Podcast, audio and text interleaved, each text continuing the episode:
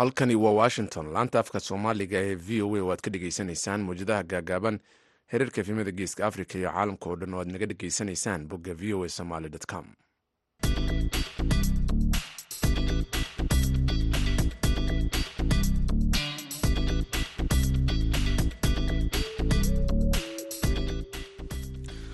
Duur wanaagsan dhegaystayaal idilkiinba meel kastoo aad joogtaan waa maalin khamiis ah tobanka bisha sebtembar sanadka idaacadda duhurnimo ee barnaamijka dhallinyarada maanta waxay idinla socodsiinayaan go'a jamaal axmed cusmaan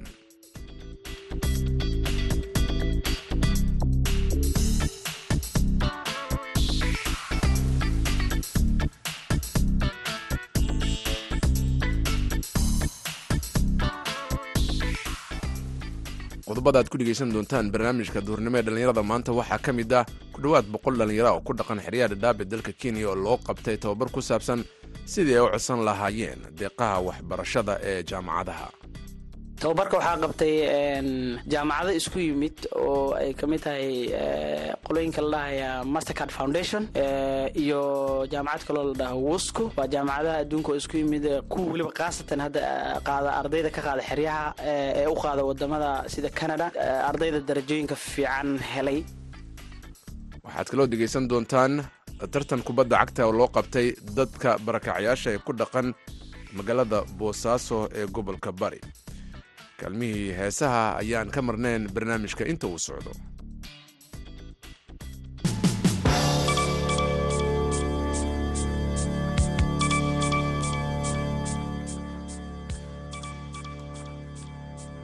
Yaraan toban qof ayaa lagu dilay arbacadii weerar cirka oo ka dhacay caasimadda gobolka tigrey etoobiya sida ay xaqiijiyeen saraakiisha cisbitalka iyadoo ciidamada t p l f ay ku eedeeyeen ciidamada dariska etoobiya inay mar kale ku biireen dagaalka ka dhanka ahi waddankaasi dowladda etoobiya oo tan iyo dabayaaqadii laba kun iyo labaatankii dagaal kula jirtay jabhadda tigreega ayaan si deg deg ah uga jawaabeen codsiyo ku aadan duqeymaha cirka dagaalka iyo joogitaanka ciidamada eritrea. Diyaaradaha aan duuliyaha la socon ayaa shalay waxay duqeymo ka geysteen magaalada makalle waxaana ay ku soo beegmayeen xilli t b ay soo bandhigtay heshiis xabad joojin ah dhammaadkii toddobaadkan. Dhibanayaasha makalle waxaa ka mid ah aabe lagu dilay duqeynta labaad iyo wiil oo uu dhalay oo dhakhtar aha kaasoo dhaawacmay isagoo daryeelaya dhibanayaasha sida ay sheegtay vasika amdislasi oo ah dhakhtarad qalliin oo ka tirsan cisbitalka aider referal ee magaalada makelle waxaana duqeyntaasi sidoo kale ku dhaawacmay saddex iyo toban qof. Madaxweynaha dalka turkiga rajab dayb ordowan ayaa shalay sheegay in habdhaqanka armeniya ee ku aadan azerbaijan uu yahay mid aan la aqbali karaynin ismar ahaantaasina ay ka dhalan karayso cawaaqib xumo weyn kadib markii maalmo dagaal ay isaga hor yimaadeen labada dale azerbaijan iyo armeniya ee dariska. Waxaan u aragnaa inay tahay waxaan la aqbali karin in xaaladii dhacday ay sabab u tahay jabintii armeniya ay ku xadgudbeen heshiiskii la gaaray kadib dagaalkii kii ee azerbaijan ku guulaysatay ayuu yiri erdogan oo hadalkaasi ka sheegay soobax ka dhacay magaalada ankara ee xarunta dalka turkiga. Armeniya iyo azerbaijan oo tobannaan sano isku khilaafsanaa deegaanka nagorno kharabakh ayaa midba midkiisa kale ku eedeeyey inuu bilaabay isku dhacyo xuduudeed oo dhacay gelinkii dambe isniinta. Waxaan rajaynayaa in armeniya ay sidoo kale sida ugu dhaqsiyaha badan. Uga soo laabato buu yiri waddada qaldan ayna wakhtigeeda iyo xooggeeda u isticmaasho xoojinta nabadda. Isagoo intaas ku daray in dabeecadaha dabcan ay horseedi doonaan. Cawaaqib xumo dhinaca armeniya taasoo aan keliya buuxin buu yiri shuruudaha heshiiska la saxiixay laakiin sidoo kale muujisay dabeecad dagaal oo joogta ciidamada israel ayaa wiil toddobiy toban jir oo falastiiniya ku dilay daanta galbeed ee la haysto maanta sida ay sheegeen saraakiisha falastiiniyiinta iyadoo ciidamada ay ka howlgalayeen aagaasi maalin kadib markii weerar lagu dilay sarkaal militari militariga israel ayaa sheegay inay rasaas ku fureen dad looga shakisan yahay inay ku soo xoomeen ciidamada walxaa qarxa ay ku soo tuureen ciidamadaasi waxyaabaha qarxa. Wasaaradda caafimaadka falastiiniyiinta ayaa sheegtay in oday saalax oo toddobiy toban jir ah lagu toogtay daanta galbeed islamar ahaantaasna xabad madaxa uga dhacday inkastoo aysan caddaynin xaaladda dhabta ahi ee ka dambeysa dhimashadiisa. Milatariga israel ayaa sheegay in ciidamada ay ka howlgalayeen magaalada ay ku nool yihiin laba nin oo falastiiniyiin oo hubaysan kuwaas oo dilay. Sarkaalka israa'iiliyiinta israsaaseen shalay dhacday kadibna ay toogteen askarta israel warkii dunida dhegeystayaal waa nagayntaa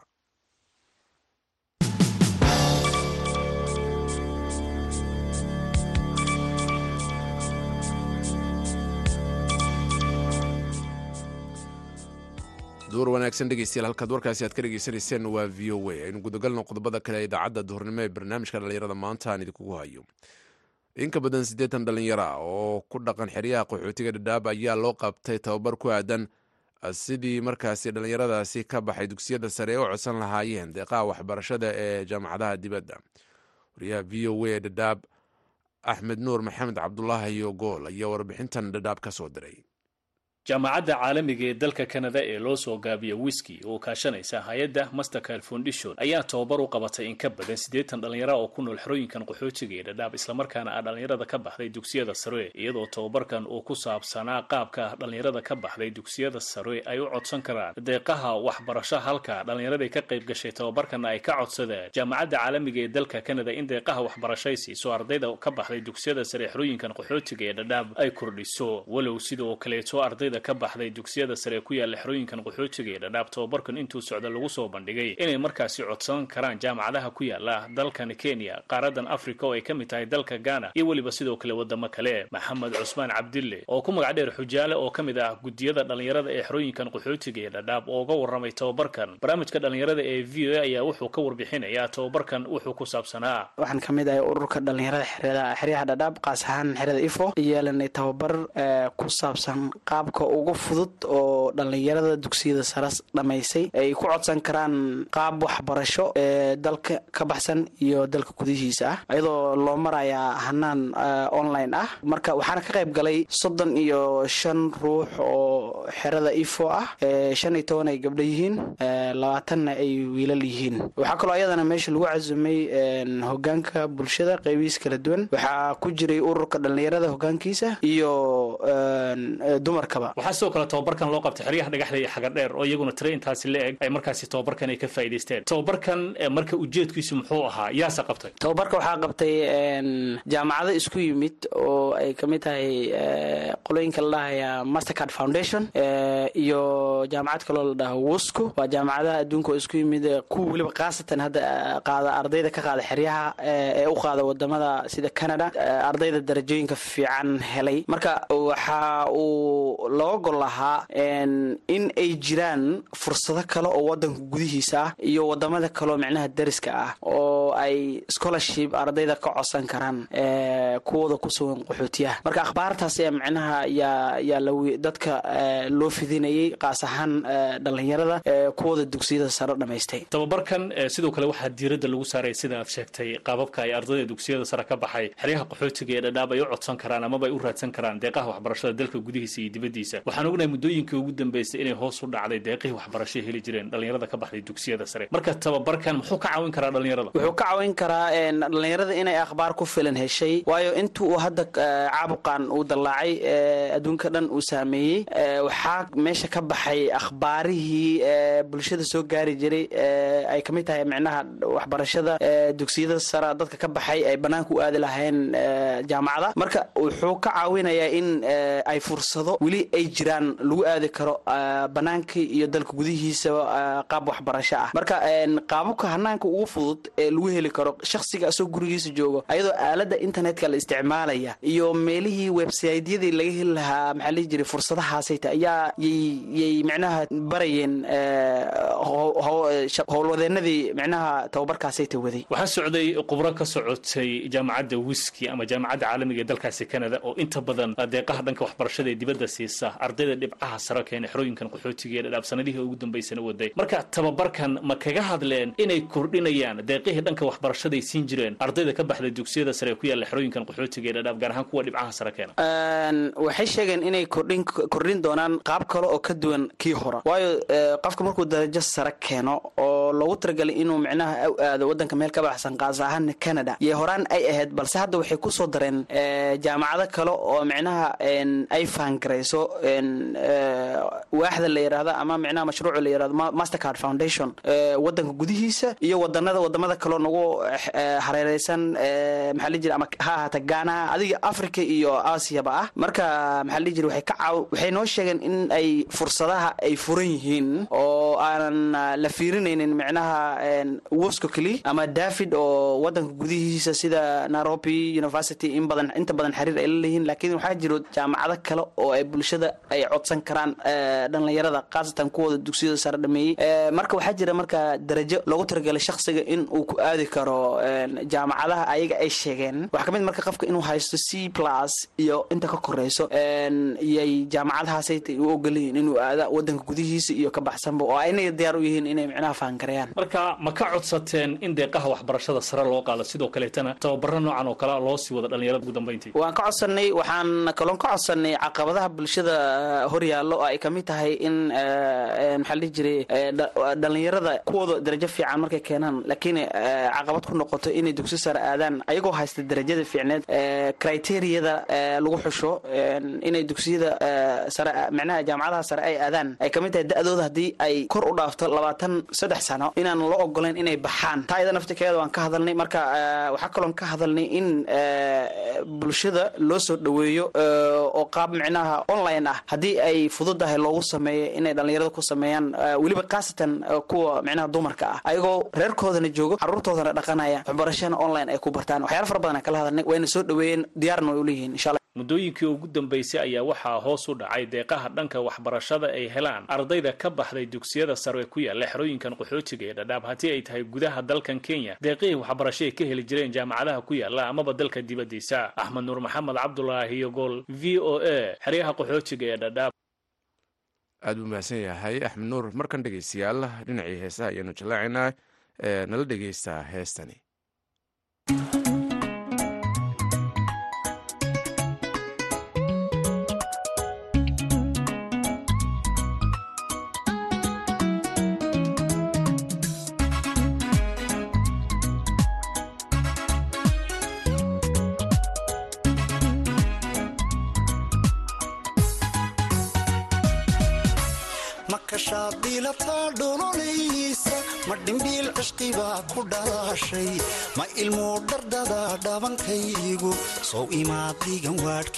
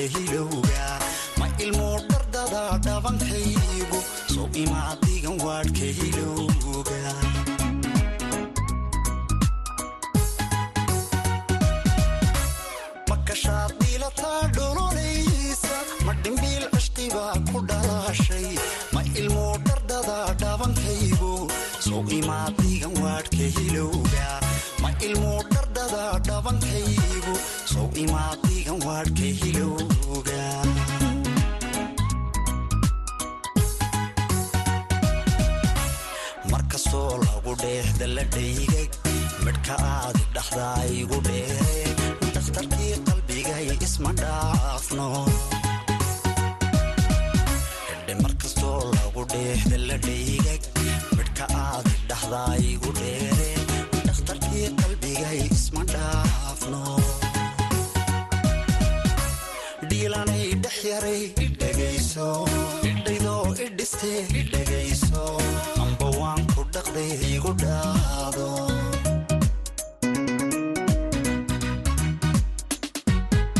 hedhe dhiilanay dhex yaray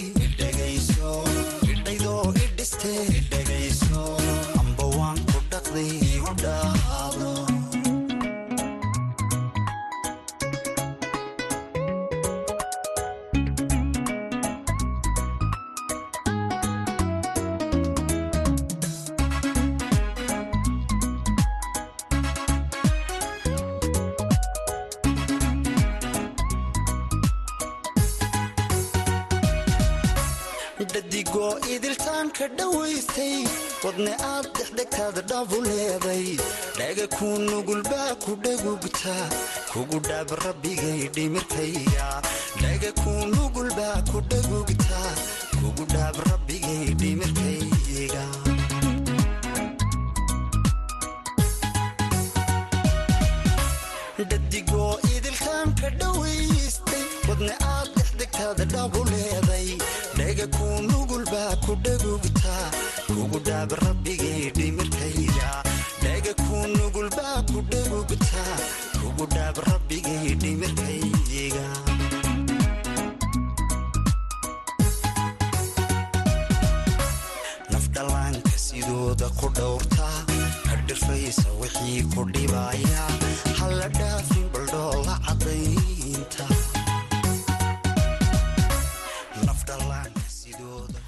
waa tahay mursal muuse halka aynu kaga gudubno halkaad ka dhegeysaneyseen waa v o a. Barnaamijka duhurnimo ee dhallinyarada maanta ayaadna weliya dhegeysanaysaan.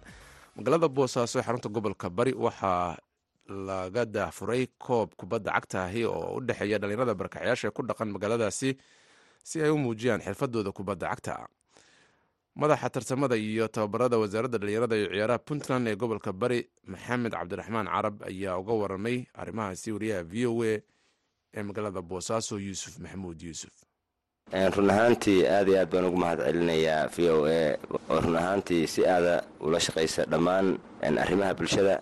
Waxaan muddadatan ku hawl jirnay koobka i d b s-yada iyo isku xirka booliiska gobolka bari. Waxaan rabnaa inaanu afar iyo labaatan naadi oo barakacayaasha ka kala dhisan labada dhinac bariga iyo muxuu ahaa galbeedka ka kala dhisan inaanu isugu keenno. Ilaahay waa noo suurtageliyey furitaankii cayaartiisii koowaad waa dhacday. Waxaan rabnaa inaanu dhammaan cid walba oo kala qayb qaadan kadha waanu soo dhoweynaynaa waxaan aad iyo aad uga mahad celinaynaa ka wasaarad ahaan taliska qaybta booliska gobolka bari oo ugu horreeya taliyaha qaybta booliska cabdiqaadir jaamac dirir oo run ahaantii haddii ay noqoto xagga amniga iyo xagga muxuu ahaa dhinac walba nala garab taagan aad iyo aad baanu u soo dhoweynaynaa taliska qaybta. Ujeeddada afar iyo labaatan kooxood in laysugu keeno oo dhammaan dhallinyarada barakacyaasha ah. Muxuu yahay ujeeddada ka leedihin ka wasaarad ahaan dhallinyarada ee ciyaaraha? Muhiimadda noogu weyn aanu ka leenahay waxaa aada u hooseeya dhinaca i d b s-yada isdhexgalkooda xirfadooda kubadeed iyadoo aan muxuu ahaa muuqan si aan u muujinno ay wax ula qaybsadaan dadka deegaanka ah oo xuquuqda ay ku leeyihiin ay u helaan baanu muhiimadeedu tahay inaanu koobka aanu u qabanay iyaga keliya aan u qabanay aan cid tarixi ka dha aysan jirin. Dhallinyaradaas waa dhallinyaro xoogaysato ah.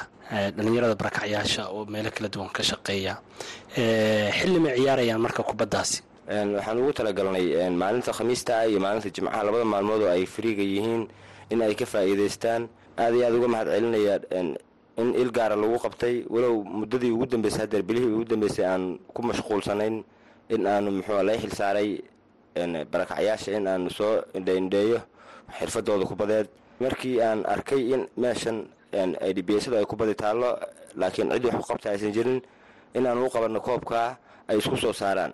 Wasaaradda oo aniga ay ii xil saartay allana waa igu guuleeyay inaanu koobkaa bilowno oo aanu baasno. Taana allah baan uga mahad celinayaa horey tartan noocaasa ee dhallinyaradaasi ma loo qabtay? Maya wax tartanoo horey loogu qabtay i d b s ma jiraan.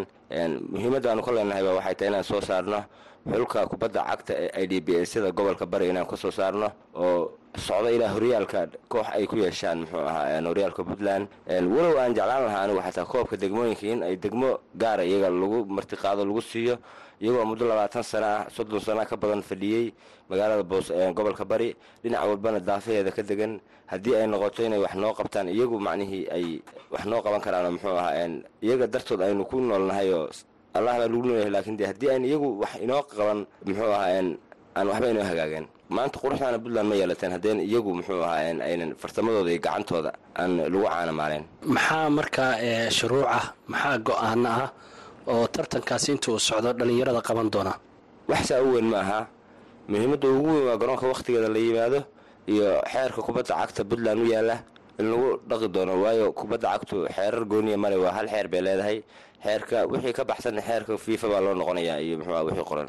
Horey dhallinyarada deegaanka iyo dhallinyarada barakacyaasha ayaa tartamada noocaana loo qaban jiray. Sanadkan maxaa iyaga ugu gaar noqday barakacyaasha magaalada boosaaso markii aanu aragnay cayaartooy muhiim u ah puntland in ay ka soo baxeen. Oo uu ka mid yahay aaday fu-aad. Baanu haddana waxaan dareennay inay ku hoos jiraan cayaartooy ka sii ficnaan kara haddii muxuu ahaa taalantigooda la soo bandhigo. Barakacyaasha marka taasaa lagu kaliftay inaan muxuu ahaa iyaga si gooniya u soo saarno si ay u soo baxaan kuwii ka hooseeyey.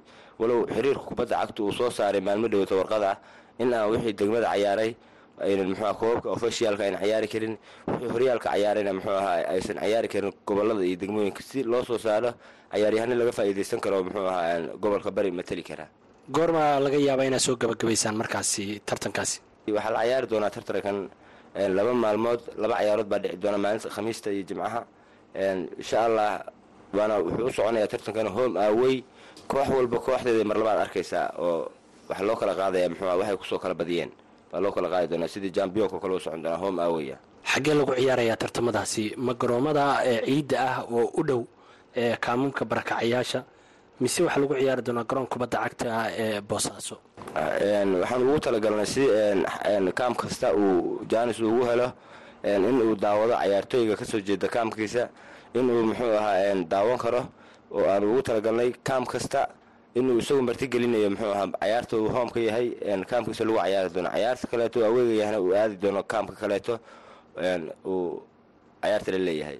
Taageerayaashiisa iyo shacabkiisu ay u helaan muxuu ahaa daawasho muxuu ahaa ay kaga faa'idaystaan una dhiirigeliyaan cayaartoydooda kaasi waxa uu ahaa maxamed cabdiraxmaan carab oo ah madaxa tababarada iyo dhallinyarada ciyaaraha wasaaradda ciyaaraha ee puntland ee gobolka bari u qaabilsan wuxuuna u warramayay wariyaha v o a yuusuf maxamuud. Yuusuf markana dhinacii ciyaaraha warkii ugu dambeeyey waxaana la socodsiinayaa faarax maxamed cali.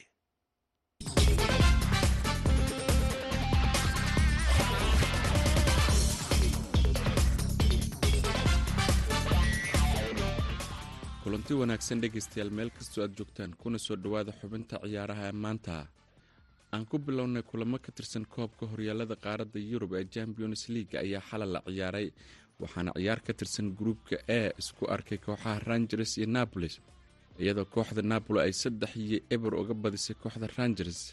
Guusha napoli ayaa ka dhigan inay lix dhibcood ku hogaaminayso gruubkooda oo sidoo kale ay ku jiraan kooxaha liverpool iyo ayax amsterdam. Gruubka ena kooxda faca weyn lee ac milan ayaa xalay saddex iyo hal uga badisay kooxda dynamo secrebet halka chelsena ay weli tahay guul la'aan xilli ciyaareedkan koobka champions league kadib markii ay barbardhac hal iyo hal ah ay la gashay kooxda selseburg iyadoo ciyaartii ugu horeysay ay tanina ahayd ee tababaraha cusub ee kooxda chelsea graham potter. Qaybta efna kooxaha shakhtar doniska iyo celtic ayaa iyaguna isla dhaaf waaya hal iyo hal halka real madridna oo koobka difaacanaysa ay labiyo eber ku sagootisay kooxda arbi libsig waxaana madrid ay gruubka f ku horkacaysaa lix dhibcood. Gruubka jina weeraryahanka kooxda manchester city erlan halan ayaa xalay soo dhoweeyey kooxdiisii hore isagoo si cajiiba guul uga gaaray kadib markii gool qurux badan uu ka dhaliyey kooxda bruce dortmond ciyaartaas oo ku soo idlaatay labiyo hal. Kooxaha kale ee gruubkan ka tirsan ee kale ah f c copenhagen iyo safiyana waxay ku kala baxeen eber iyo eber gruubka ejna yuventus ayaa guuldarro qaraar kala kulantay kooxda benfica ee waddanka portugal. Kadib markii labiiyo hal ay ku dhifatay kooxdaasi waxayna yuventus u ahayd habeen aad u muruga leh maadaama ay ahayd markii ugu horreysay ee laga badiyay labada kulan ee koobka horyaalada yurub muddo ku dhow konton sannadood. B s g na waxay saddex iyo hal uga badisay kooxda waddanka israa'iil ee makabi haifa iyadoo messi neymar iyo imbabana ay kala dhaliyeen goolasha b s g dhinaca kalena matias bagba oo ay walaalo yihiin paul bagba ayaa xabsiga loo taxaabay iyadoo lala xiriirinaya baad abaabulan oo ka dhan ah ciyaaryahanka khadka dhexeeya yuventus sida ay ilawareedyo u sheegeen e s b n matias bagba ayaa isku soo dhiibay baarayaasha waxaana la dhigay xabsiga ayaa lagu yiri warbixinta ee heshay e s b n. Warku wuxuu intaasi ku darayaa in saddex qofood oo kale iyagana xabsiga ay ku jiraan xafiiska dacwad oogaha baariis ayaa furay baaritaan bishii hore kaasoo ku saabsan iskudayga baadda abaabulan ah kaasoo ay gacanta ku hayeen booliiska la dagaalamo musuq maasuqa. Dacwad oogaha faransiiska ayaa baaraya eedeymaha ah in paul pogba uu bartilmaameed u ahaa walaalkiis ka weyn matias iyo saaxiibadii kale ee caruurnimadiisa. Waxaana lagu eedeeyay inay ka dalbadeen ciyaaryahankii hore manchester united ku dhowaad saddex iyo toban milyan oo dollar kiiskan ayaa noqday mid si weyn loo hadal hayay kadib markii matias pogba uu soo dhigay muuqaalo iyo qoraallo uu ugu hanjabayo inuu shaacin doono fadeexado ku saabsan walaalkiis paul pogba iyo xidiga kooxda b s g keliyan imbabe xubintii ciyaarahana dhegeystayaal maanta waa naga intaa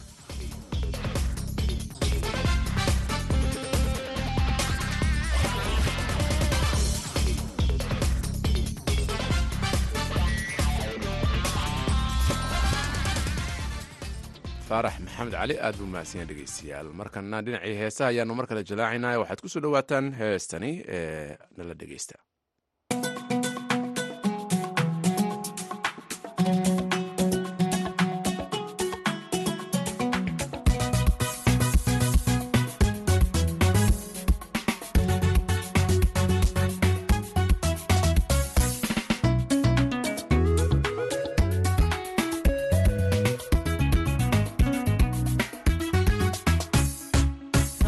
la mid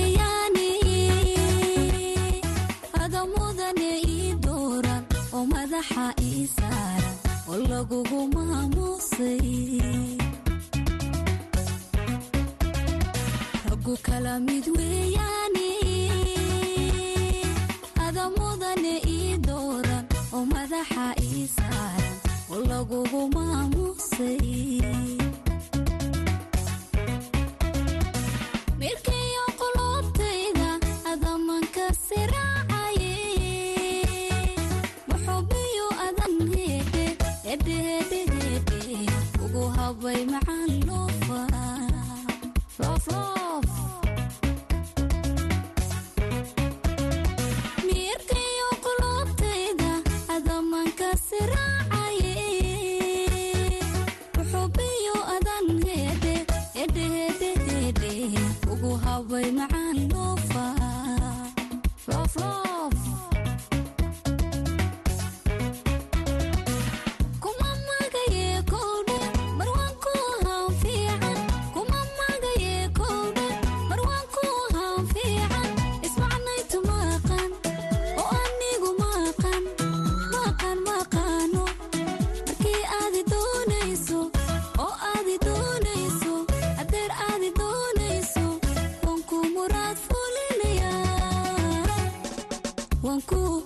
waad fuulinayaan waa sax sax sax.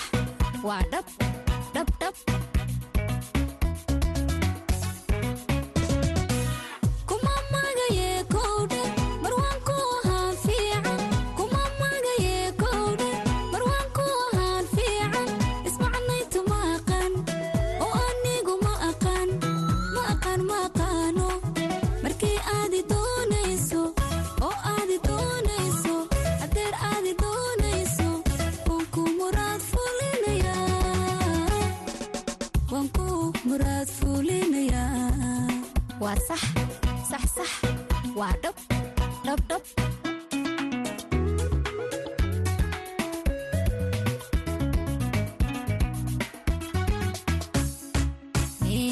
ka noloshada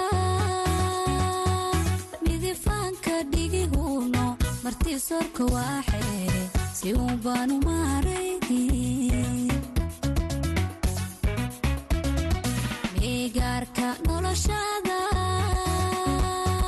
midifaanka dhigiguno marti sorka waaxee si uun baanu maaray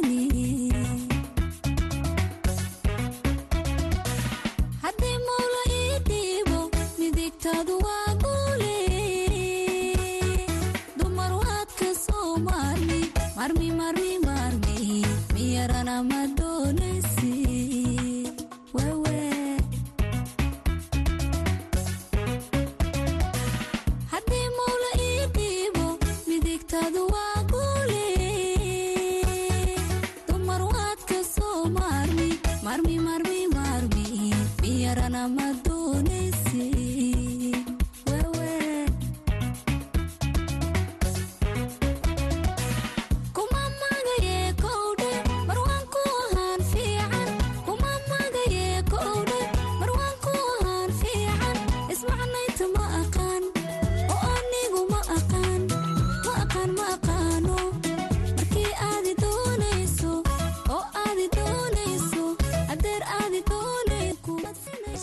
ahayd idaacaddeenna duurnimo ee barnaamijka dhallinyarada maanta anigoo jamaal axmed cismaan idala socodsiinaya tan iyo afarta galabnimo waxaan kaga tagay nabadgelyo